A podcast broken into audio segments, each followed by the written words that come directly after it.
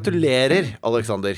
Gratulerer. Ja, takk. Takk, takk. Mm. Vet du hva vi feirer? Eh, Olsok, Jonsok eh, Mye større. Mye- Stoppen på Mye større. slutten på tredje verdenskrig. Ja, du nærmer deg. At vi har anerkjent at um, viljen er be- begjær. Begjær er umettelig. Schopenhauer er han vi feirer. Nei, det er fred på jord, for faen. Det er en uh, avverget uh, atomkatastrofe.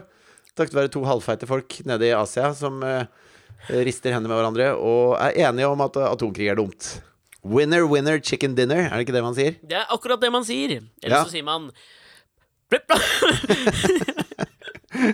Kom ikke på noe. Skål og velkommen til Alex og Fritjofs podkast, episode fire. Hvor tror du det winner, winner, chicken dinner kommer fra, egentlig? Det er veldig rart uttrykk. Jeg har prøvd i to, to, to uker på rad. Jeg har prøvd å lolle meg med tidlige tall kontra store tall. Der er du ikke. Jo, det er ikke humor hører du det. setter pris på. Men det er sånn fjerde liksom. episode, tredje altså, Nei, ja, ja. Anerkjennelse er jo Jeg er jo enebarn, for faen! Jeg har jo et kontinuerlig bekreftelsesbehov. Jo, men hva, hva er humoren der? Ok, velkommen til Alex og Fridtjofs eh, femte episode podkast. Gratulerer. Hvorfor er det gøy? Jeg vet ikke, fordi det er det, noe annet enn sannheten, og det er jo litt gøy. da Enten skal noe være funny cause it's true, Ja. eller så er noe funny cause it's not true. Mm. Er det ikke det liksom veldig mange av de nye komikerne i Norge har jobbet med, som kanskje splitter Norges befolkning, vil jeg påstå, i en yngre og en eldre generasjon? ja. Det er forholdet deres til antihumor. Altså, jeg syns jo det som er symbolet på uh, funny cause it's not true, altså antihumor, gjort bra og kløktig, det er altså eh, fotballtreneren til Varg og dattera i heimebane. Ja, det er antihumor. Ja, gøy, altså. Det syns du var gøy, liksom? Ja, det syns jeg var gøy. Ta det Der herfra! var de gode. Helvete! Men? Helvete, og vi spriker referansemessig i dag av mann! Ja, men der maler de et narrativ. Er det på, ett, på hvilket tidspunkt kommer du og jeg til å ta på en måte ordene i vår munn uten ironisk distanse i et eller annet paneldebatt? Ja, men vi er jo podkastens grand old men. Er vi ikke det allerede, egentlig? Jo, men vi har alltid vært det, men det handler jo om Altså, til de av dere altså, Hvis dere ikke kjenner Si referansen. det, ja, si det en gang til, Alexander. Grand old men. Legger du merke til tonefallet der? Ja, jeg gjør jo det for ettersom jeg sa det. Jeg vet jo at Og du snakker til lytteren som en du, ja. Du legger merke til det. Idiot! Det er du som lager det. Ja. Uh, men det er jo tungtvann, ikke sant? Referansen fra liksom De er the grand old men av nordnorsk hiphop. Som var på mange måter Tungtvanns eh, go to-frase i alle intervjuer, i hvert fall tidlig 2000-tall, var jo at det alltid enten poppa Lars eller Jørg N nevnte det. Og, og Mm. eh, altså det at de nevnte det, var jo ikke det mest fas... Er de fra Sortland? Ja, men hvem faen bryr seg? Eh, jeg syns jo ikke det mest eh, interessante var at de nevnte det. Men eh, at de følte et behov for at det var viktig å nevne. Noe som sier noe om selvtilliten til de, dem som hiphopere, Ja. og kanskje om nord-sør-konflikten i Norge og mindreverdighetskomplekset nord hva gjelder alt fra værmelding til hiphop. Men tror du når de sa det, at de mente at de var liksom nordnorsk hiphops grand old men? Eller tror du det var norsk hiphops grand old Man? Jeg tror det var det mest bevisste valget Jørg En og Pappa-Lars noensinne har gjort. Mhm. Det var å ikke si nordnorsk hiphops.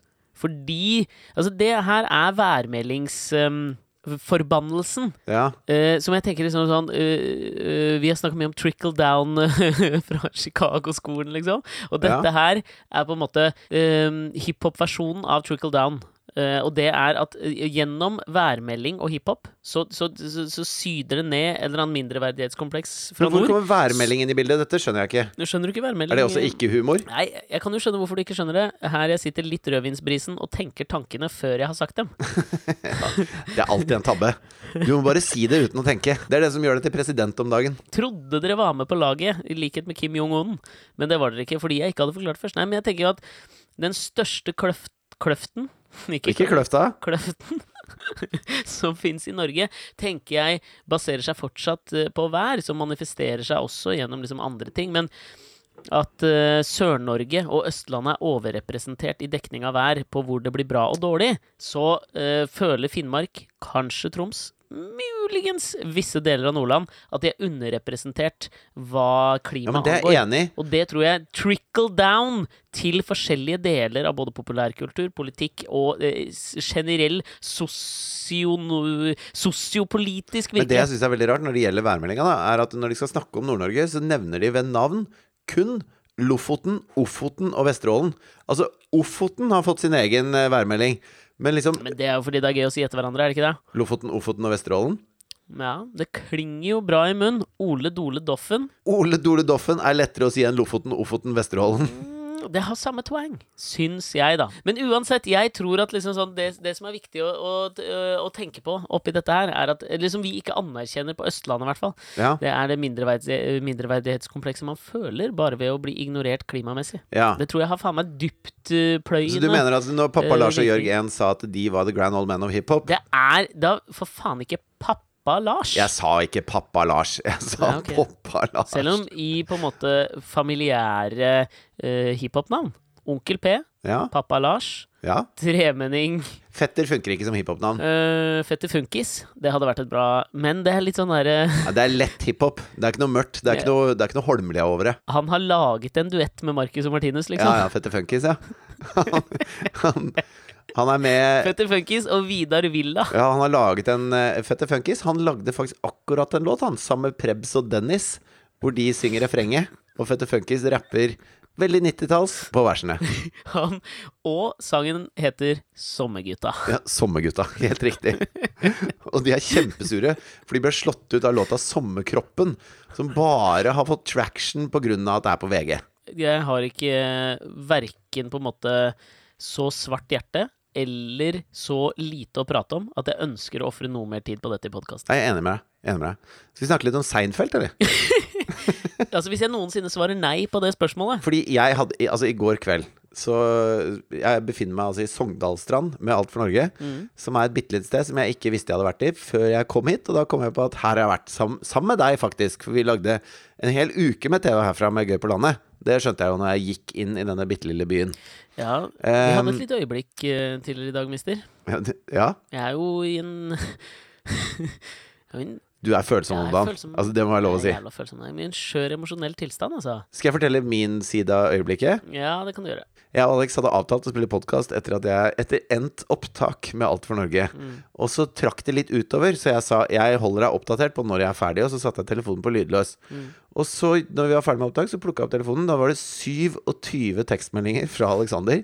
Da han sitter alene foran laptopen og drukket rødvin og sendt meg melding altså hvert fjerde sekund under hele den siste scenen vi hadde å gjøre her. Så da tenkte jeg nå, mens jeg går tilbake til hotellrommet, så ringer jeg han på FaceTime. Og da eh, får jo Alexander se nydelige Sogndalstrand. Fikk noen flashbacks til da vi var her. Det er altfor lite malerisk. Okay. Altså, dette er jo et forbanna et Chagall-bilde, liksom, som du kaster bort som en ræva Pushwagner. Ja, Chagall. Chagall. Det var, det var ikke Nei, Dali var de smeltende klokkene, var det ikke det? Ja, Dali pleier jo noen av oss å kalle den, men Ja, det jeg sier Dali, da. Du, du, bor i, du bor ikke i en dall. det gjorde ikke han heller. Det er ikke fjell og daller. For faen, da. Du, ikke, For et dypt Ja, dallsøkk vi ja, befinner oss i. ikke dra det ut, for jeg syns det var liksom Det var et eller annet poetisk ved det. Ok. Og det uh, poetiske i det var jo nettopp det at uh, Det hadde flere lag. Lag én var jo på en måte det at jeg er vant til å sitte og vente på deg podkastmessig. Rusha meg gjennom en telefonkonferanse om uh, Idol for å på en måte bli ferdig til det tidspunktet du sa. Og så er det ikke som det, Jeg tror ikke det er så mye som et gram i meg som er liksom irritert over at du er forsinka, for du har vært det så mange ganger. Sånn at jeg får en veldig sånn Har jeg det? ja, ikke ja, men, Og, Ok, og det greit. at du ikke veit det, blir jeg også rørt av, liksom. Skjønner du? Det, det sier noe om vår relasjon. Ja. Så det er på en måte lag én som treffer meg der. Lag to treffer på en måte at du går eh, fra en ting Mhm. uh, vel vitende om at du er litt forsinka. Og det du velger å gjøre, er i en hektisk opptaksperiode så ringer du på en måte ikke hjem. Du ringer til meg på FaceTime, som spiller over i lag Trickle down, da Trickle up. for å fortsette dette her. Nei, trickle down Okay. til det faktum at grunnen til at du ringer, er at du kjenner deg igjen. Og du kjenner deg jo ikke igjen steder. Du er jo faen meg? Og det også rører meg litt, fordi at jeg vet det om deg. Ja, så vet Men at jeg blir litt stolt når jeg faktisk kjenner meg igjen. Ja, det er derfor du ringer. Så liksom, idet du ringer og jeg ser det, og du forteller meg liksom Her har du vært før. Mm. Der har du meg, på en måte. Altså, det er min ekvivalent til Jerry Maguires eh, hvor René Selvegger sier 'You had me at hello'. You had me at du ringte på FaceTime, og jeg ser der hvor vi to sykla på tandemsykkel, og du spør 'Her har du sykla på tandemsykkel'. Da kommer tårene, liksom. Og utafor her så er det jo en benk som jeg sendte deg en liten video av. Eh, og Rørt av det nå. Klarte ikke å svare på 24 timer. Nei, det gjorde du faktisk ikke. Men på alle benkene her så er det sånne navn. Så hver benk heter noe, da. For da kan man si sånn Ja, jeg er ved Arnes benk, for eksempel. Ikke sant? Men akkurat den benken het Poddebenken. Mm. Og det stusser jeg litt på. Tror, tror du vi kan ta litt ære for det? Jeg tenker vi kan ta 100 ære for det. Som The Grand Old Men of Podcast. At vi var i Sogndalstrand. Vi spilte inn podkast i Sogndalstrand. Og vi satt altså på poddebenken. Ja, det gjorde vi ikke, men eh, jeg Nei, velger å tro det. Altså, vi er jo mytomane jævler, så det kan Ja, man ja. faen si. Men jeg merker jo at jeg liksom ligger og vaker Du skal få fortsette, altså, men jeg bare merker at jeg ligger og vaker litt nå i et eller annet emosjonelt uh, skjørt landskap. Og så tenker jo jeg at eh, vanligvis eh, når vi spiller inn podkaster, så så eh, Jeg veit ikke med deg, da, men jeg føler at jeg kan eh, Eller at jeg skrur på et gir, da. Ja. Kan du, eller jeg vet ikke om du kjenner deg igjen i det. Jeg tror ikke du gjør det. Og det blir rørt av at du ikke gjør det, liksom.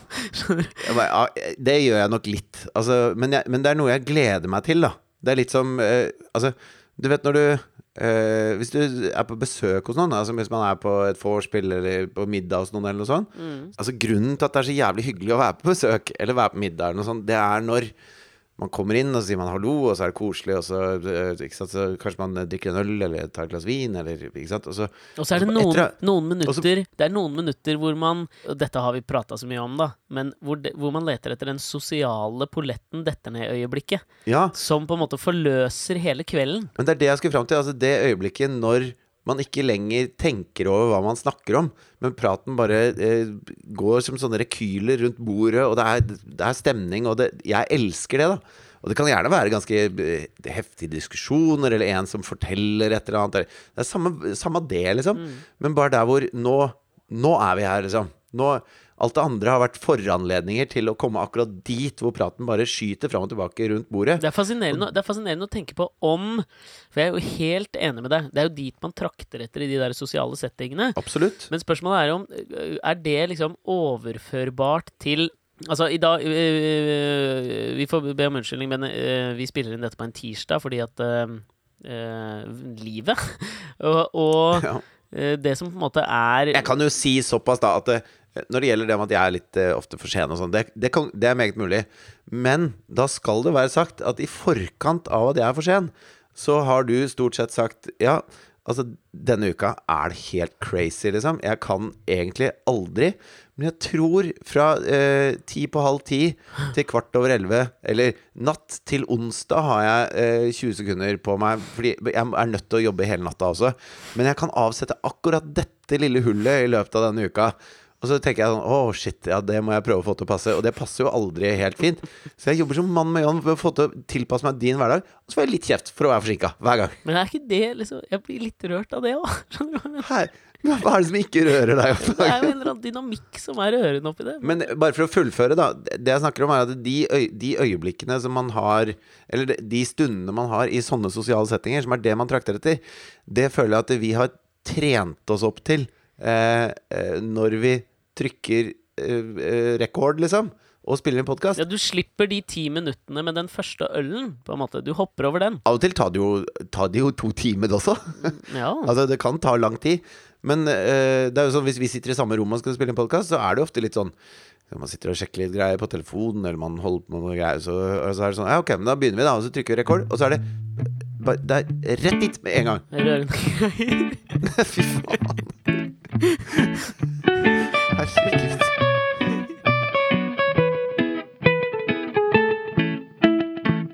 I den private sfære så får jeg liksom innimellom litt sånn kritikk for det at jeg kan på en måte skru på han kisen som prater med Fridtjof. Og det er jo nettopp uh, i den derre Du vet jo at jeg hater de der litt mer sosialt kleine settingene. Ja. Så jeg vil gjerne liksom hoppe fort forbi den derre 'hva jobber du med'-praten. Og komme til Men hva syns du egentlig om Jimmy Åkessons uttalelse der og der, og kan vi prate om denne anekdoten, liksom? Det, man vil jo dit så Ja. raskt som mulig. Eller kanskje enda bedre. Hva syns du egentlig om meg? Dit har du lyst til å komme fort. Ja, hvordan er din oppfatning av meg? Hashtag bekreftelsesbehov.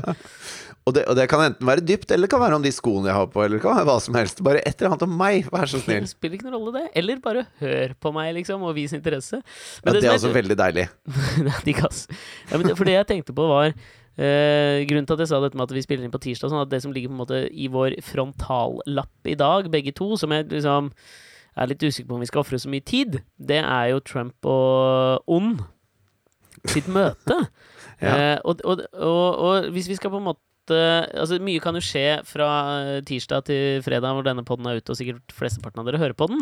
Men det som er liksom fascinerende å tenke på, er Tror du i, tror du det foregår på samme måte, liksom sånn sosialt utforskende, når to stykker møter hverandre Altså to eh, Trump og ond, da Ja. møter hverandre for første gang. Så Altså, det fins jo ikke et rom i verden jeg kunne tenke meg mer å være flue på veggen på enn akkurat det rommet i de første famlende fire-fem minuttene. Jeg har tenkt mye på akkurat det du sier nå. Og jeg så på den derre Du vet når de går på hver sin sånn milelange rød løper, og det er så mye pomp og prakt da rundt dem, og fl flaggene henger så tett nesten, at de bare sklir i ett i rødt, hvitt og blått bak dem. Ja. Og eh, så går de langt mot hverandre. To keitete, eh, store, litt rare menn. ja sosialt ukomfortable typer, liksom. Ja, altså merkelige folk, da. Hvis du hadde vært eh, på et middagsselskap eller en fest eller hva som helst, og så hadde en sånn person, da, som en av de, kommet inn døra, Ja, Eller havnet ved siden av deg, da, så hadde du jo banna litt. ja, så hadde du tenkt Oi, det, dette var en type, liksom. Eh, og når de For du to hadde, I norsk sammenheng så hadde du forventa at samtalen kom til å dreie seg om dieselavgift og hat mot MDG-LAN. Du vet at du havner der, og du på en eller annen måte må diplomatisk si deg uenig i hatet mot henne, Jo, liksom. men jeg, jeg tenker på et mye mer eh, På et mye mer basalt plan enn det. Oh. Altså, jeg tenker inni der så er de to eh, menn, på en måte. ja. Og de, når de går nedover den røde løperen mot hverandre, så kommer de ikke som de to mennene de faktisk er, som har et bekreftelsesbehov ut av ville helvete, og som elsker å rasle med sablene. Det er ikke bare det de er, de er egentlig de to landene som går mot hverandre. Og Kim vet at Donald sitt land er mye større, og at alle syns det er mye fetere. Og han syns også det er mye fetere. ja. Donald vet at hans land er mye fetere, men han vet at Kim kan gi han noe ingen andre kan gi. Jeg, jeg tipper at de gruer seg til de blir sittende aleine. Begge to gruer seg intenst. Jeg tror de er livredde. Ja, men det er jo ingen unike Eller altså, si at det er en unik setting. Men jeg tror ikke på en måte de sosiale normene eller forventningene endrer seg så innmari mye fra uh, et møte med Kim og Donald til om du skal på middagsselskap til en bitte litt perifer venn og ha med dama di for første gang, og så er du usikker på om dama di og dama hans kommer godt overens, og du prøver å glatte over samtalen.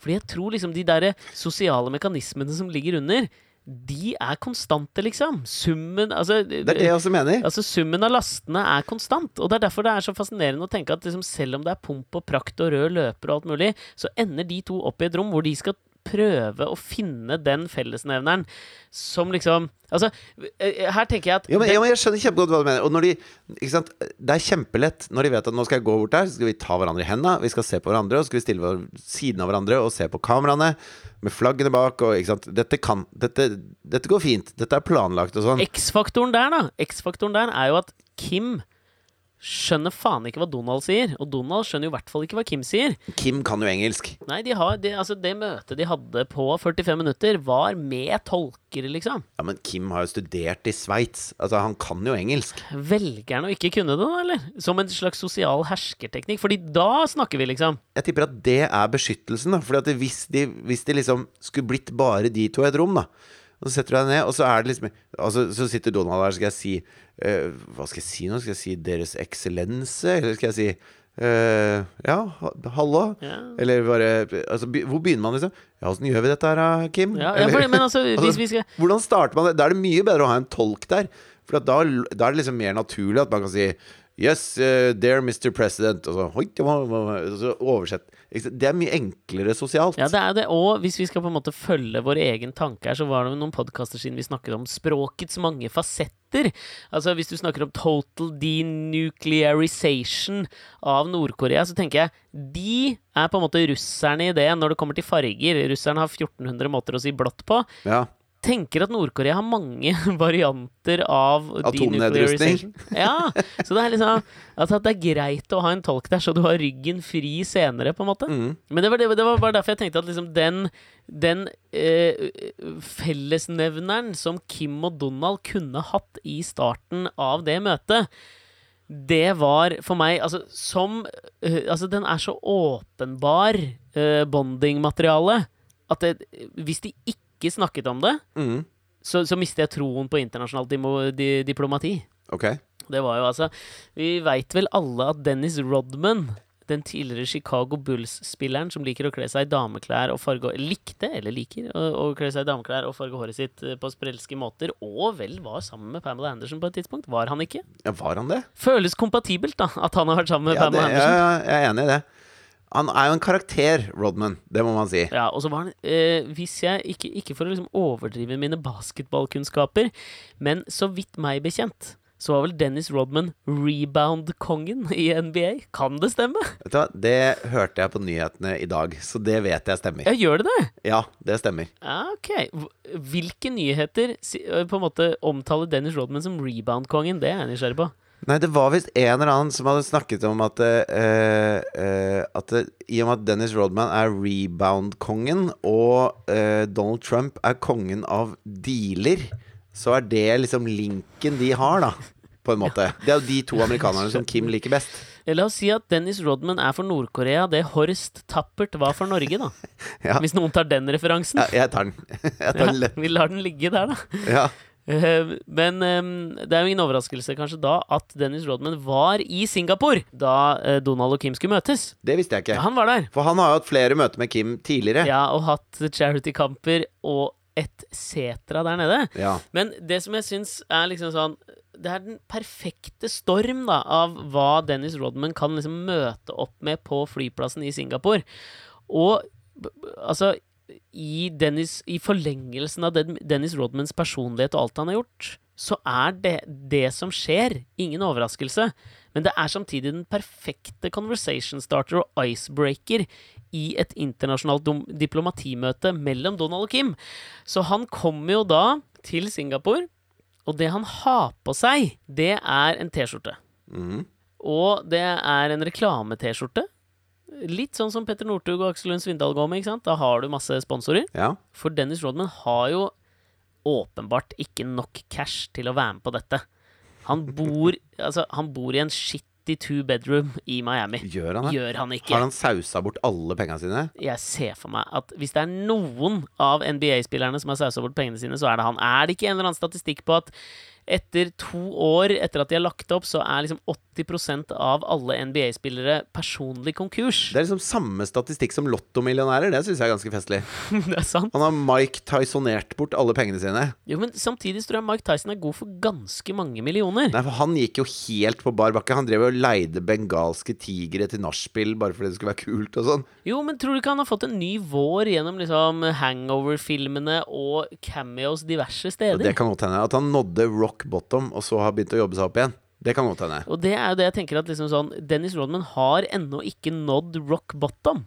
Som Mike Tyson gjorde. Fordi det er jo de historiene vi liker, og da kan du begynne å bygge deg opp igjen. Du kan ikke ligge og, og liksom vake i et middelhavsfareland og forvente en eller annen sånn resurrection populærkulturelt. Du må liksom virkelig treffe bunn. Jeg tror faktisk at Dennis Rodman hadde virkelig truffet bunn hvis det ikke hadde vært for Kim. Det er nettopp det, men han blir en parodi mer enn at han treffer bunn hardt, liksom. Ja, ja, ja. Men hva sto det på den T-skjorta hans, da? På den T-skjorta så, øh, så var det jo logoen øh, og, og, øh, til firmaet som har sponset hans tur til Singapore. Ja. Og dette er for meg hittil i år, kanskje på denne siden av 2000-tallet det som er me altså, Jeg veit at jeg er glad i å bruke dette ordet. Altså de siste 12 Nei, de siste 18 18 årene syns du dette er det feteste som har skjedd? Nei, men, altså, jeg skal si, ikke feteste. Jeg har et annet ord, og det er et ord jeg bruker mye. Men det er det som de siste 18 årene har mest samklang. Okay. Det er at Dennis Rodmans sponsor, som han går i en T-skjorte i når han ankommer Singapore, det er et marihuana cryptocurrency-firma. altså, det fins Det fins ikke noe mer samklang enn at Dennis Rodman går Ja. i T-skjorten til firmaet potcoin.com. altså jeg, Men er det de som har på en måte runda livet.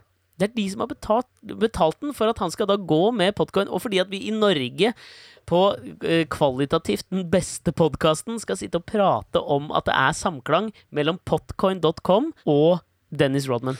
Men, men Potcoin, det, det er jo et catchy navn, da. Catchy som faen! Altså, det er jo ikke et angrep. Altså, og liksom sånn, det står jo selvfølgelig potcoin.com øverst på T-skjorta hans. Ja. Mens under så er det jo en eller annen slags sånn Heal the World eller sånn We Are the World-logo hvor det står Peace starts in Singapore.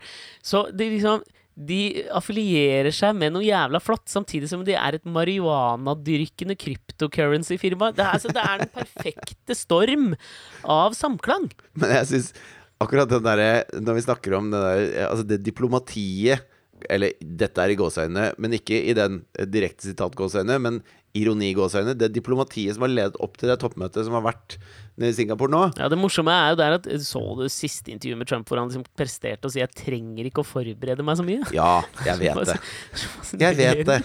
Men, men det er nettopp det jeg skal fram til. Altså de, de meldingene som de har slengt fram og tilbake, og eh, nettopp den derre Jeg trenger ikke å forberede meg. Dette, dette Jeg kjenner på levra med en gang jeg kommer inn i rommet, om det blir noe av eller ikke. Og her, nå skal jeg bare gå inn og eie det, liksom. Men tror du ikke altså sånn, i, i, det at, I det vi prater om nå, med tanke på de der første minuttene Kanskje det er de minuttene Trump sikter til? Og hvis det er de han sikter til, så må jo vi nå i all ærlighet gi han rett. For du Ja. kjenner det jo. Du kjenner i leveren Ja. om denne kvelden kommer til å sitte, Og liksom. så eh, skal jeg gi han rett i én ting til, og det er at hvis, eh, hvis han eh, tar utgangspunkt i det at jeg skal gå inn i det møtet her, og jeg skal, jeg skal lese dette mennesket, og skal jeg, være, skal jeg få dette mennesket til å være på lag. Altså, vi skal være på lag. Det er min jobb. Og så veit jeg, eller det er ikke sikkert han veit, men han, han går ut fra at det, er masse andre ting som også må på plass. Men det må noen andre enn meg fikse. Det er ikke min jobb. Yeah. Og, det, og det, han tenker at det er ikke hans jobb, fordi at eh, han har masse andre ting å se på på TV og tweete om. Men eh, Og det er vel og, sånn det er om dagen. Men, Det er sånn men- normalen er men den andre grunnen til at det ikke er hans jobb, er at han er ikke i stand til å gjøre den jobben. Så hvordan han forklarer det overfor seg selv, det driter jeg egentlig i. Men jeg er veldig glad for at det er noen andre som skal gjøre den jobben.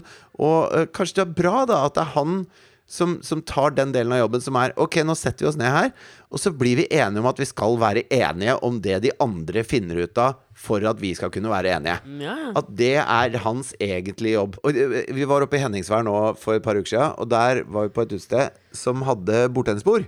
Og det syns jeg er over gjennomsnittet gøy. Og det ble en sånn bordtennisturnering, og vi hadde det kjempegøy. Og så var det en fotograf jeg spilte mot, som, eh, som Det var sånn at det, det, var, det var jevnt, og det var gøy, og vi koste oss med det. Og ble sånn Du, du ble ganske svett, og du ga litt ordentlig gass på bordtennisen, og drakk øl, og det var stas. Og så står det en sånn eh, lokal fyr der og ser på. Har sett på ganske lenge. Og det er jo egentlig bare vi som er på det utestedet. Og så har han sett på ganske lenge, og så eh, når det begynner å nærme seg slutten av den kampen jeg holder på med, da, så kommer han bort og sier eh, Kan jeg spille mot vinneren, liksom? Og så sier jeg ja, ja, selvfølgelig. Ehm, og så spiller vi ferdig. Og så, da står han i baren, og så sier jeg hei, nå, nå er det din tur. Og da skulle han spille mot han fotografen jeg spilte mot, da. Og så kommer han bort og sier han ja, eh, jeg kommer straks. Jeg skal bare hente racketen min. og det tar litt tid, da.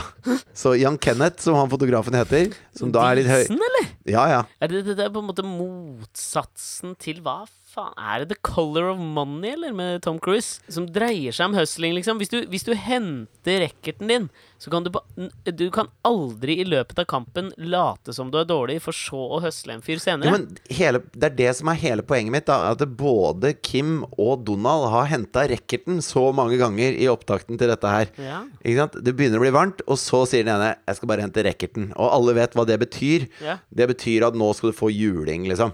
Fordi at jeg spiller ikke med de drittrackertene som du spiller med. Min racket er mye større og mye fetere enn din. Mm. Altså, med en gang du sier ordene 'jeg skal bare hente racketen min', så og, det, det er sånn Ja. jo, jo, men du skjønner hva jeg mener? Jeg skjønner akkurat hva det er. En metafor på livet, liksom. Nå skal jeg hente rekke. Det er klive opp en våning. Om det er. Ja. Og, så, og, da, ikke sant? og det tok akkurat så For vi ikke sant? Når han sa det, så hørte jo alle vi det.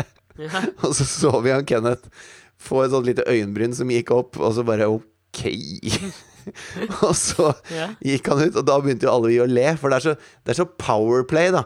Og har stått der lenge og sett på, ikke sant. Han har, han har eh, analysert hva vi kan. Altså, Og så, når det blir hans tur det som er mest powerplay i det der Ja, Altså, hadde det vært tennis, så hadde det vært en ting å gå og hente den. Men en bordtennisracket er såpass liten det. at det faktum at han, han må gå og hente den At han har gått på en rekognoseringsrunde uten racketen i baklomma det er så power move! Ja. Fordi da har han planlagt at på et tidspunkt skal han si 'Jeg skal hente racketen'. Hvor faen har han lagt den? Har han lagt den i garderoben, liksom? Ikke faen om det er garderobe på det utestedet i Henningsvær. Ligger den i bilen? Har han satt den opp mot veggen utenfor, liksom? Hvor er den jævla racketen? Altså, og i tillegg til det, når han spør om han kan spille mot neste, så går han ikke og henter racketen. Da går han og kjøper seg en øl. Og så står det i baren. Det er, så, det, er, det er det største diplomatiske, udiplomatiske power movie jeg har hørt noensinne. Men ikke sant, og da er vi nysgjerrige da når han kommer tilbake. Hvor inn i helvete god er han fyren her? Ja, ja. Fordi hvis du ikke er god, så krever det så jævlig baller, da. For alle skjønner Han skjønner også hva det betyr når han sier 'jeg skal bare hente racketen'. Altså Det er ingen som lurer på hva det betyr når jeg skal bare hente racketen. Altså, det er bordtennisekvivalenten til 'hold my beer'. Ikke sant. Og, og, og når han da kommer tilbake, så er jo eh, både vi og Jan Kenneth Og Jan Kenneth er ikke en fyr som elsker å ikke vinne stort. altså, han er, han er veldig glad i å vinne Stort. stort. Ja, han vant ikke stort over meg, det er heldigvis. Eh, men jeg måtte spille mye bedre enn jeg egentlig er. Altså Vanligvis når jeg spiller bordtennis, så prøver jeg bare å få ballen inn. Og så tenker jeg på et eller annet punkt, så caller han andre. Ja, men men, altså, med dette, han Kenneth dette- så måtte jeg prøve å smashe hele tiden. Ja, Og det går halvparten av gangene. Dette her er dette er, jeg skal si en ting nå som er utelukkende gøy for deg og meg, og de som hører på podkasten, som veit hvem Jan Kenneth er. Men Jan Kenneth har det mest innbitt kompatible ansiktet jeg veit om, liksom. Han er så innbitt! Jeg ser for meg det innbitte trynet, liksom. Og han, han skulle vinne. Så derfor, når han hadde eh, endelig vunnet, da og, og følte seg liksom eh, bra med det, og så fikk han da den 'nå skal jeg hente racketen'-øyeblikket. Og så tar det jo så lang tid ikke sant, før han duden kommer tilbake, og da rekker jo det, det derre seiersrusen å legge seg godt ned i skosålene hos Jan Kenneth. Og så kommer han med en sånn derre Sånn bitte liten bag, ikke sant, med glidelås Det er rundt. bag på racketen! ja, Jo, men dette er sikkert en dyr racket, ikke sant? Selvfølgelig. ikke- Hvis du henter den, så er den dyr. Ja, og jeg vet ikke hva som gjør en, en borte Kanskje det er noe, sånn, det er noe annen friksjon i gummimatta, så du kan skru ballen bedre, eller uh, hendene dine kjenner grepet, er vant til akkurat det grepet. Det, det er noe vektforskjell Altså, jeg vet da faen, jeg. Men jeg, altså for min del, jeg kunne spilt med den billigste og den dyreste racketen. Jeg hadde ikke merka en drittforskjell. Nei. Eh, Men det er litt som golfkøller. Ikke sant? Du, du skal være ganske god før du merker Ikke sant, sier du. Jeg, jeg kan jo ingenting om golf. Nei, men jeg tenker du skal være ganske god før du merker forskjellen på køllene, liksom. Ikke skyld på køllene hvis du er ræva. Altså, jeg merker jo forskjell på en driver og en putter. Og en wedge. Åhå, han briljerer. Ja. Det blir ikke noe eagle med wedgen. Nei, men altså, det, poenget er jo bare sånn matchingen, på en måte. Altså, det er jo litt sånn Du skal være ganske god før du merker forskjell på utstyr, tenker jeg. Du skal ha liksom kvalitet, og så Men du er- du er ganske god i golf. Det får jeg opp til andre å bedømme. Jeg bare svinger den kølla der den leder meg. Litt som i livet, si! Skal jeg fortelle en golfhistorie om Alexander? Ja, svarer Alexander. Ja, Vet du hvilken golfhistorie jeg skal fram til? Ja. Hun var nemlig Dette utviklet seg til en podkast hvor vi to utvekslet minner som var gøy for oss, og det liker jeg litt. ja, vi var i Øyer kommune, rett ved Hafjell, med Gøy på landet, for ja, hva er det, seks år siden? Sju år siden? Ja, noe sånt noe. Noe sånt noe. Og så er det da en av disse ungkarene som skal, uh, som skal besnære damene vi har med på bussen, som eh, eh, har lyst til å spille golf. Og da får vi også være på en golfbane. Og jeg er jo en novise. Ja. Altså, jeg treffer ballen eh, av og til. Ja. Og av og til går den langt, og av og til går den kort. Men at jeg skal på en måte sikte på noe som er langt unna, det driver jeg ikke med. Nei. Eh, Nei, heller i livet, si. Nei. Alt er veldig nært. Det, Veien er målet. rett foran nesa. Yes, sir. Og så Her går vi kommer- via Dolorosa gjennom livet. Men så okay. er det Alexander sin tur, da. For da har jeg prøvd sant, å slå jeg husker ikke hva det var, om det var Si det var 100 meter, da. Ja, det jeg skulle prøve å slå 100 meter. Og du husker det veldig godt, dette her. Du er jævlig stolt over akkurat dette her. og så er det sånn skilt, ikke sant. Så så 25, 50, 75 og 100 har vært sånn skilt bortover. Ja, det er Og et skilt, et skilt er jo uh, Skiltet er stort nok til at du ser det, men bare fra vår side uh, Hvis du står rett over skiltet, Ja. så er det jo ikke så stort. Nei. Da er det en ganske tynn stålplate. Si at det er en fem centimeter, da. 5 centimeter. Og så sier Alexander Ok, nå skal jeg slå 100 meter. Og så eh, tar han som Happy Gilmore eh, og stiller seg opp. For dere som og, ikke tar den referansen, så er det en tidlig Adam Sandler-film etter at han sluttet med sin særdeles vellykkede standup-karriere, og uh, ifølge mange komikere solgte ut til mm, liksom C-komifilmer, hvor han i Happy Gilmore spiller en fyr som var jævla god i baseball, men som hadde et enormt temperament. Hockey! Han var Ja, hockey var det. Kjempetemperament. Overførte hockeykvalitetene sine til golf, men var da selvfølgelig ikke kompatibel. Så var en fish out of water-historie av Guds nåde. Men en nydelig film, da. Ja, en nydelig film. Men så slår Alexander altså eh, Druser til den lille ballen. og Med et åtterjern. altså, åtterjern, det er viktig at det er. Men det spiller ingen rolle hvilket merke det er. Alexander trenger ikke å hente racketen for å gjøre dette her. Så han Tror det var Titleist. Ja, han druser til. Ballen går i en fin kurve, og så treffer den altså det fem Er fem? Det er jo én centimeter tykt. Mindre. Én centimeter tykt Ja. er toppen av skiltet. Så ballen spretter på toppen av skiltet og videre. Og da eh, eh, strekker han begge armene, én arm til hver side, slipper åtterjernet ned på bakken og spaserer av gårde. I en rus Som en slags i en rus, prekurso. I en rus ikke ulik det Jan Kenneth hadde, helt til han hørte ordene 'Jeg skal bare hente racketen'.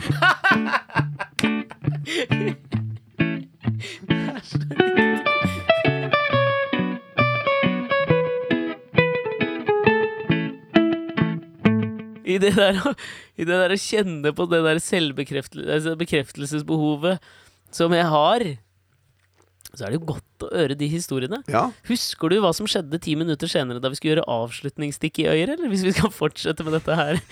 og fortelle his- Nei, det husker jeg ikke. Jeg ba deg litt sånn i en hybris av å ha truffet på toppen av det skiltet. Ja.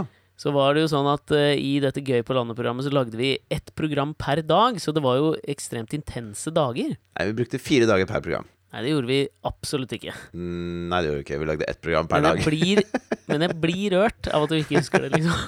Du har helt rett, som vanlig. Ja. Ja, Der traff du toppen av det skiltet igjen, gitt. Faen, altså. Så, så skulle vi gjøre et avslutningsstikk. Det betyr jo da avslutte det programmet for den dagen. Og det skulle vi gjøre liksom rett etter at jeg hadde klart å treffe opp på dette skiltet. Mm. Full av hybris står vi fortsatt i sånne Nikkers Golf eh, 1920 Roaring Twenties-outfits. Det gjorde vi faen meg også, ja. Ja. Det stemmer, det. Og så, står du med en bøtte. Fordi det gjør man ofte på golfbaner. Når Nå man, demrer det. ja, så du står med en bøtte eh, hvor vi hadde hentet ut masse baller på driving rangen, og så sier jeg ta med den bøtta. Hybrisfull som faen.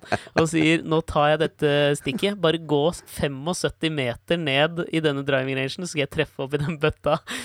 Og så Og du, gullible og naiv som du er, uvitende Tillitsfull. ja, uvitende om at det å få en golfball i trynet kan jo ende livet ditt.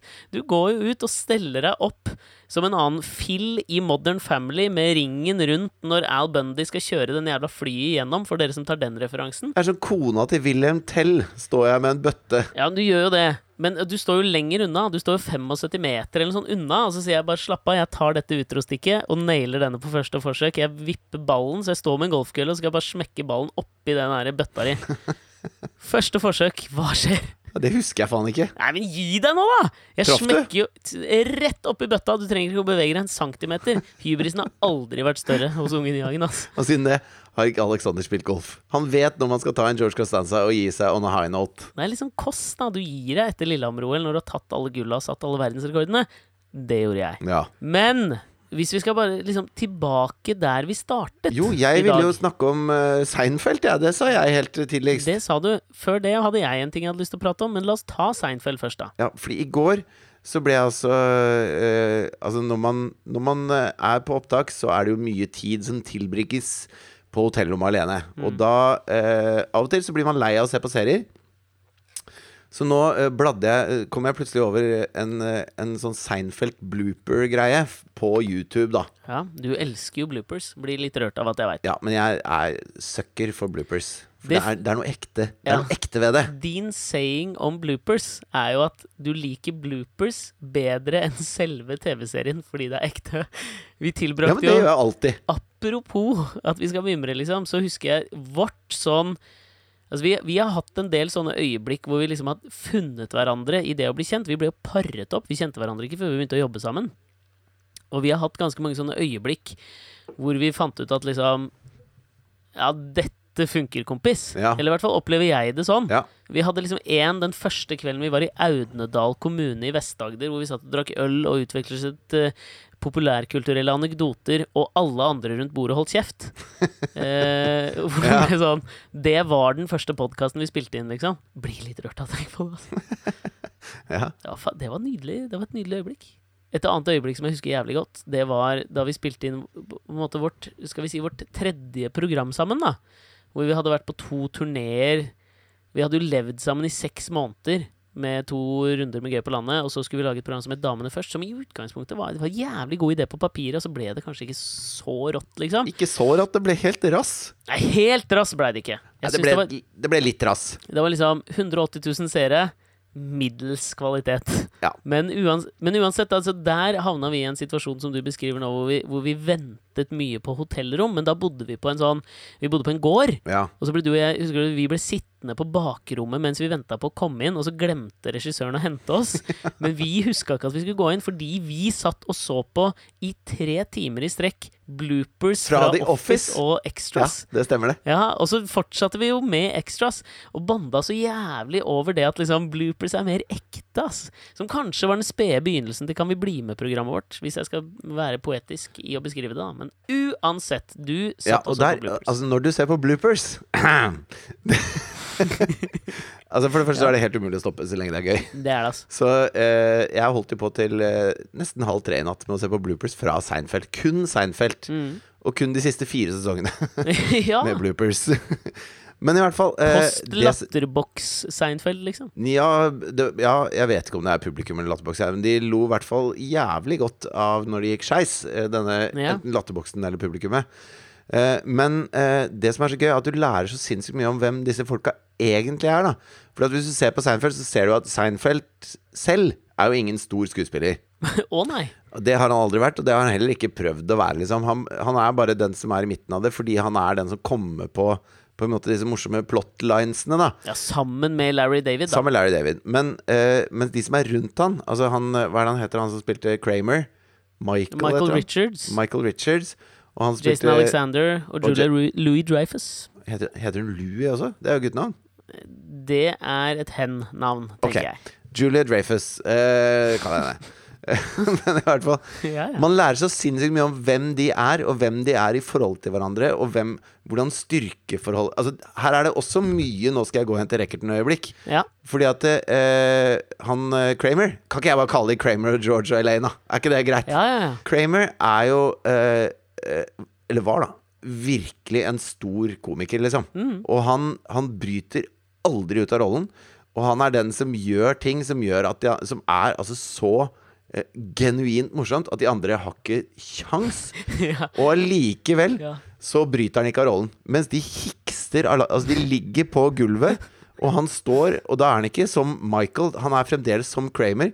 Så står han og ser helt sånn uforstående på dem. Altså Han skjønner ikke hvorfor de ler så fælt, og det blir bare enda morsommere. Ja, fordi det jeg syns han perfeksjonerte, da I forrige uke så snakket vi om Roseanne Barr og estetikken rundt den midt Midwest-sitcomen. Ja. Som jeg syns var eh, kanskje et sånt solemerke på eh, noen av de tidlige amerikanske sitcomene.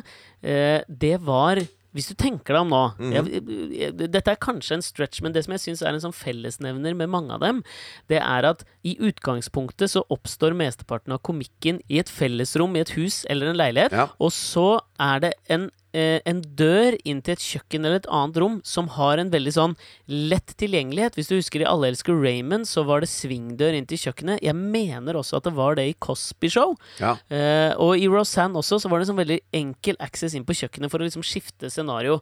Og, og, og det er jo på en måte sitcomens lille svøpe, at du må jo skifte scene veldig fort. Og så vil du jo gjerne gjøre det sånn at på en måte publikummet, som noen ganger var der, live studio audience, liksom henger med. Mens Michael Richards kom inn gjennom en lukket dør. Mm. Så han tok på en måte den derre svingdørestetikken til tidlige sitcoms til et nytt jævla nivå som han aldri har blitt anerkjent. Han åpnet døra og smalt den opp så jævlig fort. Det var jo hans signature move, som jeg alltid har tenkt at var et lite sånn nikk til tidlige 90-talls-sitcoms som måtte lage svingdør for å, lage, for å gjøre logistikken enklere. Så liksom tenkte jeg så så stilte Michael Richards seg på den siden, eller sikkert Larry David og Jerry Seinfeld på den siden, at la oss gjøre det litt vanskelig for han, men gi han den derre 'jeg åpner døra på en sjuk måte'-estetikken, som jo var Men jeg, jeg satt uh, Kanskje Kanskje 80% av det de begynte å le av, var liksom når han kom inn den Og jeg, jævla jeg satt jo hver eneste episode av Seinfeld og gleda meg til han skulle gå inn en jævla dør. Ja, og det er jo helt sjukt. Det er et helt sjukt liksom, sånn custom move Ja, ja, å bare gjøre Ja, til det, sitt. det, det er helt rått. Altså, bare for det fortjener han en sånn jævla stjerne på Walk of Fame, liksom. Men ikke sant, det som er så synd, er jo at han er et rasshøl. Eh, sånn i ettertid. Ja. det er jo veldig, veldig trist. Ja, For dere som ikke fikk med dere det, så sa han et stygt ord i standup-forestilling. Hvem faen fikk ikke med seg Ja, det? men ikke sant, han og Lucy Kay og det er en rekke sånne øh, folk, da. Som man har liksom eh, eh, nytt kunstverkene til. Mm. eh, som så har fått en besk bismak eh, etter at man lærer litt mer om hvem de egentlig er på baksida av den eh, maska. Ja. Og jeg er veldig sånn kløyva til hvorvidt man Altså, er det lov å se på Usual Suspects nå, selv om Kevin Spacey har vært et rasshøl eh, på alle bakrom eh, gjennom hele livet, liksom? Ja, men og, og, det har han jo ikke. Og Det er derfor jeg mener at det selvfølgelig er det lov. Ja, har han ikke det? Kevin Spacey har blitt anklaget av én ung fyr Nei, det er fler. Det er flere. i mitt hode. Ok. Nei, fy faen. Den er, den er vrien, da. Ok, for uh, det jeg tror grunnen til at jeg sa bap, bap, var at det eneste jeg har fått med meg om Kevin Spacey, var denne ene fyren for 20 år siden som mente å huske at Nei, det har vært uh, masse mer, og det har vært eh, folk som er for unge for den, og det har vært mye tull, da. Men det, dette har vi jo ferdig, ferdig debattert i, i sikkert ti podkaster. Absolutt. Men det- poenget mitt var bare det at jeg klarer ikke eh, å hate Michael Richards. Nei, Fordi sånn, sånn jeg Altså sånn jeg klarer ikke å hate Kramer. den Det klarer jeg ikke å hate. Nei, det er kanskje mer riktig, ass. Jeg klarer ikke å hate Kramer. Der har du jo min liksom, innstilling til Woody Allen. Jeg klarer jo ikke å hate Manhattan. Han om, er jo eh, kanskje et av de Woody aller største rasshølene.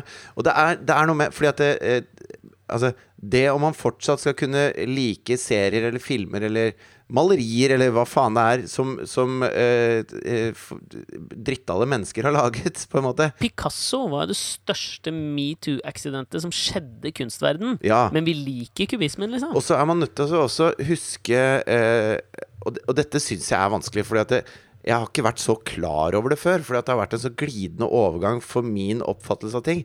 Altså, Jeg husker da Ace Ventura, Pet Detective kom. Eh, og jeg syns Jim Carrey var et av de morsomste menneskene på planeten. Altså Når det gjelder sånn kroppshumor, så er det ingen som gjør det bedre, liksom. Og så uh, er det Thea har blitt såpass stor nå at det, at det går an å se filmer sammen med henne. Ikke sant? Og så har vi sett Som eh, ikke er tingeling. som ikke er tingeling. Altså Hun kan se eh, komedier, og vi kan se Harry Potter, og det, det, er, det begynner å bli gøy å se på film sammen. da Eh, og så har vi sett The Greatest Showman, og? Og, og så lenge det er tekst, så henger hun med. Og hun syns det er spennende og gøy. Og så, så er det liksom en ting man kan gjøre sammen på litt mer sånn på likefot, og det er jævlig morsomt. da At det ikke er sånn at jeg blir med og ser Petter Kanin på kino. Og så ler jeg der hvor Petter Kanin sine filmskapere har tenkt at nå skal vi gi en til pappaene i salen, liksom. Eh, men, men vi kan se ting som jeg Perfeksjonert av Pixar, da. Per, ja, absolutt. Absolutt. Eh, men, men så eh, tenkte jeg sånn Ja, men eh, Jim Carrey, det syns hun sikkert er gøy, for hun liker jo slapstick-humor, ikke sant? Og jeg gjør det sjøl. Så, så da dro jeg fram Ace Ventura, da. Så jeg og Katrine og Thea satte oss opp på Ace Ventura. En film jeg har sett sikkert fem ganger, men det er jævlig lenge siden, ikke sant? Mm. Og nå vet jeg ikke om hvorvidt du husker liksom plottet i filmen. Eh, Om jeg gjør! ja, ok. Og da trenger jeg ikke forklare deg det så nøye. Nei. Men i hvert fall, eh, Jim Carrey går rundt og er morsom og rar og holder på, og det er gøy, og vi ler og alt mulig sånn. Og så er det eh, litt sånn en fellesnevner for de komediene på den tida, var at det, selv om det er en barnslig komedie, så er det derre at eh, at det alltid er noe sånn ikke sant? Eh, Ace Ventura gjør noe eh, Han redder en liten valp. Og så er det en dame med store pupper som eier den valpen. Og som belønning da så gir hun han en blowjob, og så ligger de sammen, liksom. Eh, sånn at den derre det at det, I Ace Ventura. Så godt husker jeg tydeligvis ikke det plottet. Nei, og så er det jo da hun som er representanten for det fotballaget som har mistet en delfin. Hvor Ace Ventura leter Ja. etter den delfinen. Og de, Miami Dolphins. Ja, ikke sant? Og da drar de på et eller annet punkt hjem til Ace Ventura og knuller altså så heftig under en dyne mens alle dyra ser på, og Awimbawe-låta Ja. går i bakgrunnen. Og er så lener han seg tilbake, og så sier hun eh, Jeg har aldri vært med på at noen gjør det tre ganger. Og så sier han nei, jeg er litt sliten i dag, skjønner du. Nå er jeg klar igjen. Og så kjører de på videre. Ja, det Og dette er en film som eh, liksom også da hadde sånn type aldersgrense syv år, ikke sant? Eh, for det er jo ikke noe skummelt i den filmen. Det er bare masse knulling, da. Og det er sånn at hver gang Ace Ventura er flink i nærheten av en dame, så knuller hun han. Sånn er det bare. Og det, og det er sånn Altså, Sånn, er, sånn er- er ikke komedier i dag. På en måte Komedier som barn skal like. Det jeg liksom husker så- derfra, er på en måte Dan Marinos cameo som liksom crossover fra quarterbacken til Miami Dolphins, og så skal han spille i den filmen og gjør det ganske dårlig, og så skjønte jeg aldri liksom hvorfor får Dan Marino være med? Ja, men så kommer det til at det, på en måte skurken i filmen da er en, eh, en mann som da har kledd seg ut som dame og gjemmer tissen sin eh, eh, Ja, mellom beina, sant. ikke sant? Og denne Ja. dama har jo også selvfølgelig syntes at Ace Ventura var flink, har også klina med han, og, og flere andre på politikammeret. Og i det øyeblikket Ace Ventura Ja. avslører at hun egentlig er en mann, så syns alle som har kyssa henne, at det er så ekkelt at de begynner å kaste De opp hele gjengen. spyr og sånn. De kaster Ja. opp hele gjengen. Ace Ventura pusser tenna med fire tuber tannpasta, spiser åtte pakker tyggis og holder på å spy hver gang han nevner det, liksom. At, Ja. at han har kysset en mann. Og sånn at det å kysse en mann, det er på en måte så for jævlig ille at det får alle til å kaste opp. Og vi som seere skal le oss i hjel av hvor jævlig ekkelt det er det de har måttet gå gjennom uten å vite at de kyssa en mann. Og det er også en sånn Altså, så sitter jeg der så tenker jeg sånn Fy faen, verden har flytta seg, liksom. Og jeg har flytta Heldig fuckings vis, da. Men jeg har også flytta meg uten Jeg satt jo og lo av Ace Ventura jeg, når jeg var Hvor gammel var 13-14, eller gudene veit? Et eller annet sånt. Du må ha vært eldre, for jeg var vel rundt det. 13-14 i huet, snakker jeg om. Ja, ok. ja, men ikke sant? Og så, og, og så Vi har jo sett også eh, Altså Dum og dummere, akkurat samme greia. Det er også bare knulling hele veien. og nei, men er det ikke bare knulling i Dum og dummere? Nei, men det er slapstick-humor, knulling og homofobi. Det er, det er gjennomgangstonen til komediene fra 90-tallet. Ja, jeg, kan, jeg skal i hvert fall støtte den der, eh, Akkurat det på Ace Ventura. Fordi det er jo liksom sånn Men, mens, ja, altså, men samtidig så tenker jeg jo at det er jo litt sånn Når man skal Når man skal dømme et kunstverk, så er jo liksom en del av det er å dømme den samtiden det ble sluppet i. Ja, Eh, og målet generelt er vel også at det, at det speiler samtiden på en eller annen måte. Da Ace Ventura ble sluppet, så var liksom LBGTQ Jeg er redd for å glemme noen bokstaver. alfabetbevegelsen. Ja, men ikke sant? Den hadde jo ikke det fotfestet som den har nå. Og da tenker jo jeg også at istedenfor å liksom gjøre som svenskene og liksom Å forby eh, Ace Ventura. Nei, men altså, nå tenkte jeg jo mer på at vi skal liksom skrive om navnet til faren til Pippi, eller forby enkelte barne-TV-episoder som, eh, som er homofobe, så kan det heller fungere som et slags zeitgeist på den tiden det var. Og til barn så kan man jo bruke det, mener jeg, som en, som en brekkstang inn i det der å forklare dem at verden utvikler seg. Jo, men og det trenger vi ikke å være redde for heller, Jo, da. Fordi, men- altså, jeg mener, du- Hvis jeg hadde sittet og sett på det sjøl, så hadde jeg jo blitt redd. Jeg hadde blitt redd for hva døtrene mine skulle tenke. Men samtidig så, så tenker jeg også at øh, hvis jeg hadde klart å tenke meg om to ganger i liksom frykten over at de skulle bli homofobe rasshøl Nei, men det er ikke det det dreier seg om. Det det dreier seg om, er at eh, Altså for, sånn rent personlig for min del, da, så er det jo sånn at eh, dette med Dette med å ha andre typer seksuelle legninger er sånn eh, det, For det første er det et ikke-tema, alt som har med sex å gjøre for Thea. Hun syns jo bare Liksom, hver gang hun ser Altså Når hun så at de gjorde sånne ting på Ace Ventura-filmen, så syns hun jo kun utelukkende det er ekkelt. Og det er jo helt greit. Hun er elleve år, liksom. Eh, mm. Men samtidig så har hun jo fortalt at det er en gutt i klassen hennes som, som liker gutter. Og det har han funnet ut nå. Ja. Og det, det er fullstendig uproblematisk. Ikke sant? Og hun har jo selv vært eh, kjæreste med en jente og vært kjæreste med gutter. Og, og det syns hun også er tipp topp. Og jeg elsker at det er sånn. Jeg elsker at livet hennes er sånn. Og at verden i dag er sånn. Men så sier jeg da, ikke sant Så sier jeg Skal ikke vi kose oss og se en film i dag, Thea? Jo, det har jeg lyst til. Ja, hvilken film Altså. eh, Altså, jeg tenkte Det er en film som jeg likte kjempegodt da jeg eh, var mindre. Som jeg tror du kommer til å digge, liksom. Skal vi se den? Og så er hun alltid litt sånn Ja, men kan vi ikke se noe nytt, Eh, og så er det sånn Nei, men uh, nå ser vi Ace Ventura. Altså, den kommer du til å Det kommer du til å synes er kjempegøy. Ikke sant? Homofobe pappa Så det er jeg som liksom selger det inn, da. Og etter Ja. fem minutter så står Ace Ventura og får en blowjob av en dame med silikonpupper, liksom. Og så er du litt sånn Åh, nei, å, for faen, da. Og Thea er litt sånn hva er, det som, hva er det de driver med? Hva er det som skjer nå? Uh, og du ser Mm, Altså, det er, det er jo ikke eksplisitt, dette her, så du ser jo ingenting. Men du, du må liksom Altså, jeg skjønner jo utmerket godt hva som skjer. Eh, Ja. og, så, og så skjer det mer og mer, og så topper det seg med sånn Altså 20 mannfolk som står og kaster opp fordi de har uvitende kyssa eh, en mann som ser ut som en vakker dame. Og når de finner ut at det er mann, så har de bare lyst til å spise tyggegummi, pusse tenna og kaste opp. Og det er, det er klimakset på humoren, liksom. Det skal være det morsomste i hele filmen. Er når alle de mennene kaster opp, for de har vært så teite at de har kyssa en dame uten å merke det. Nei, og kyssa egentlig en mann uten å merke det. Så føler jeg Jeg føler meg helt idiot, og jeg har ikke lyst til å bruke det som en sånn derre Du skjønner, da jeg var ung, så likte ikke noen Nei, homofile, skjønner du. Jeg føler ikke at du trenger å lære at eh, før hadde homofile det eh, Eller man kan godt lære dem at før var det ikke så lett å være det, men det å lære dem at det, før så syns alle at homofile var jævlig, det er ikke noe vits å prøve å lære henne.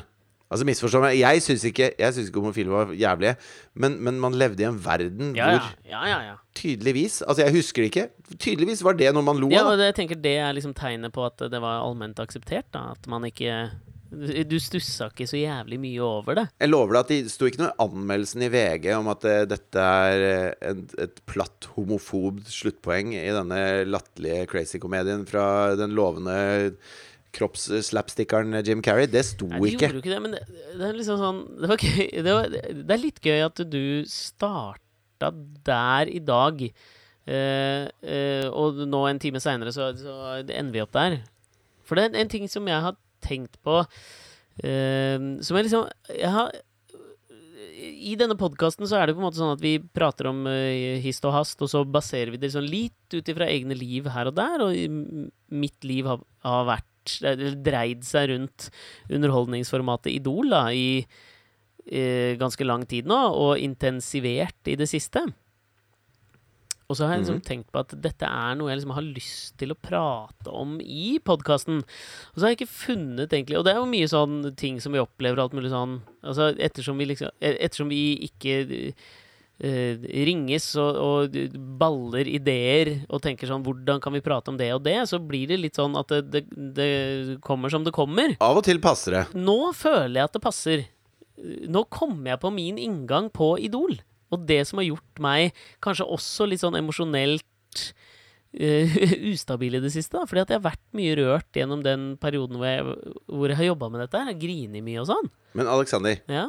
bare kjapt innpå før du går videre med det der. Mhm. Altså nå, nå jobber jo vi eh, med å fortelle historier i TV-fora. Mm. Det er på en måte jobbene våre. Vi vet alt om å bygge opp en ark i en historie og alt mulig sånn. Mm. Og det du kom med akkurat der nå, det er jo en mektig cliff, da, tenker jeg. Mhm. Det er det. Ja. Du vet hva en cliff er, gjør du ikke det? Jeg gjør det, altså. Du som er produsent. Er det Så du som er produsent Altså Mister på dosa? Kan du forklare hva en cliff her for noe? Jeg har veldig, som den mytomane personen jeg er, så har jeg veldig lyst til at ordet cliff stammer fra, la meg tippe, 1993-filmen, rundt da Ace Ventura kom ut, hvor Sylvester Stallone ga ut filmen Cliffhanger. altså, det, hadde, det er ingenting som hadde passet meg bedre. Jeg tror det kommer fra tidligere. Jeg tror det kommer fra Bippe Stankelbein. Ja. Ja, det kan det gjøre. Men ikke drep den tanken, da. Ok, greit. Det handler om at man gir en liten smakebit på hva som kommer, og så stopper man. I TV-programmer så betyr jo det f.eks. at før en reklamepause i Idol, så vil du se, og det kommer du også til å gjøre i den kommende sesongen av Idol, Ja. at noen er inne og synger for dommerne, og idet dommerne er i ferd med å gi sin dom, så går man til reklamepause. Ja. Og så må du vente over reklamepausen på å få se om den deltakeren går videre. Så det betyr jo at dere der hjemme nå, dere må vente til neste uke med å høre hva som har gjort Alexander så rørt. Hva denne historien fra Idol han har lett etter plass til å sette inn, er for noe. Og det gleder både jeg og alle der hjemme seg til. Ja, ja. Okay. Nå kjører Ja, vi faen jeg meg. Nå kliffer vi, kompis. Og så skal jeg prøve å dra den neste uke, da. Shit, for en bra kliff, da! Oh yes. Jeg gleder meg. Ja, men Den er skjør og dyster. Ja. Og, da, og da, i det øyeblikket vignetten er ferdig på neste ukes podkast, så kan du si Og der er vi tilbake! Selv om jeg veit jo at du Det er ikke det at du ikke har lyst til å høre historien, du er bare jævla keen på å legge deg nå. Altså, nei, potato potato. Altså, klokka er mange. Vi har spilt inn i over en time, og er ikke det, er ikke det greit, da? jeg blir rørt. Og så har Fordi vi i tillegg en cliff her. Idet du var ferdig med Ace Ventura, så visste jeg at nå syns du det er nok. Det visste jeg. Ja. Og det med Ace Ventura syns jeg var bra. Det holder Ja, men det er greit, det. Vi kliffer denne til neste uke. Du får minne meg på det hvis jeg glemmer det. Og så uh, rører det meg dypt innerst i hjertet at uh, dere hører på uke etter uke og er, sender oss meldinger og er kongefolk. Jeg blir rørt. Absolutt. Ha det. Ha det!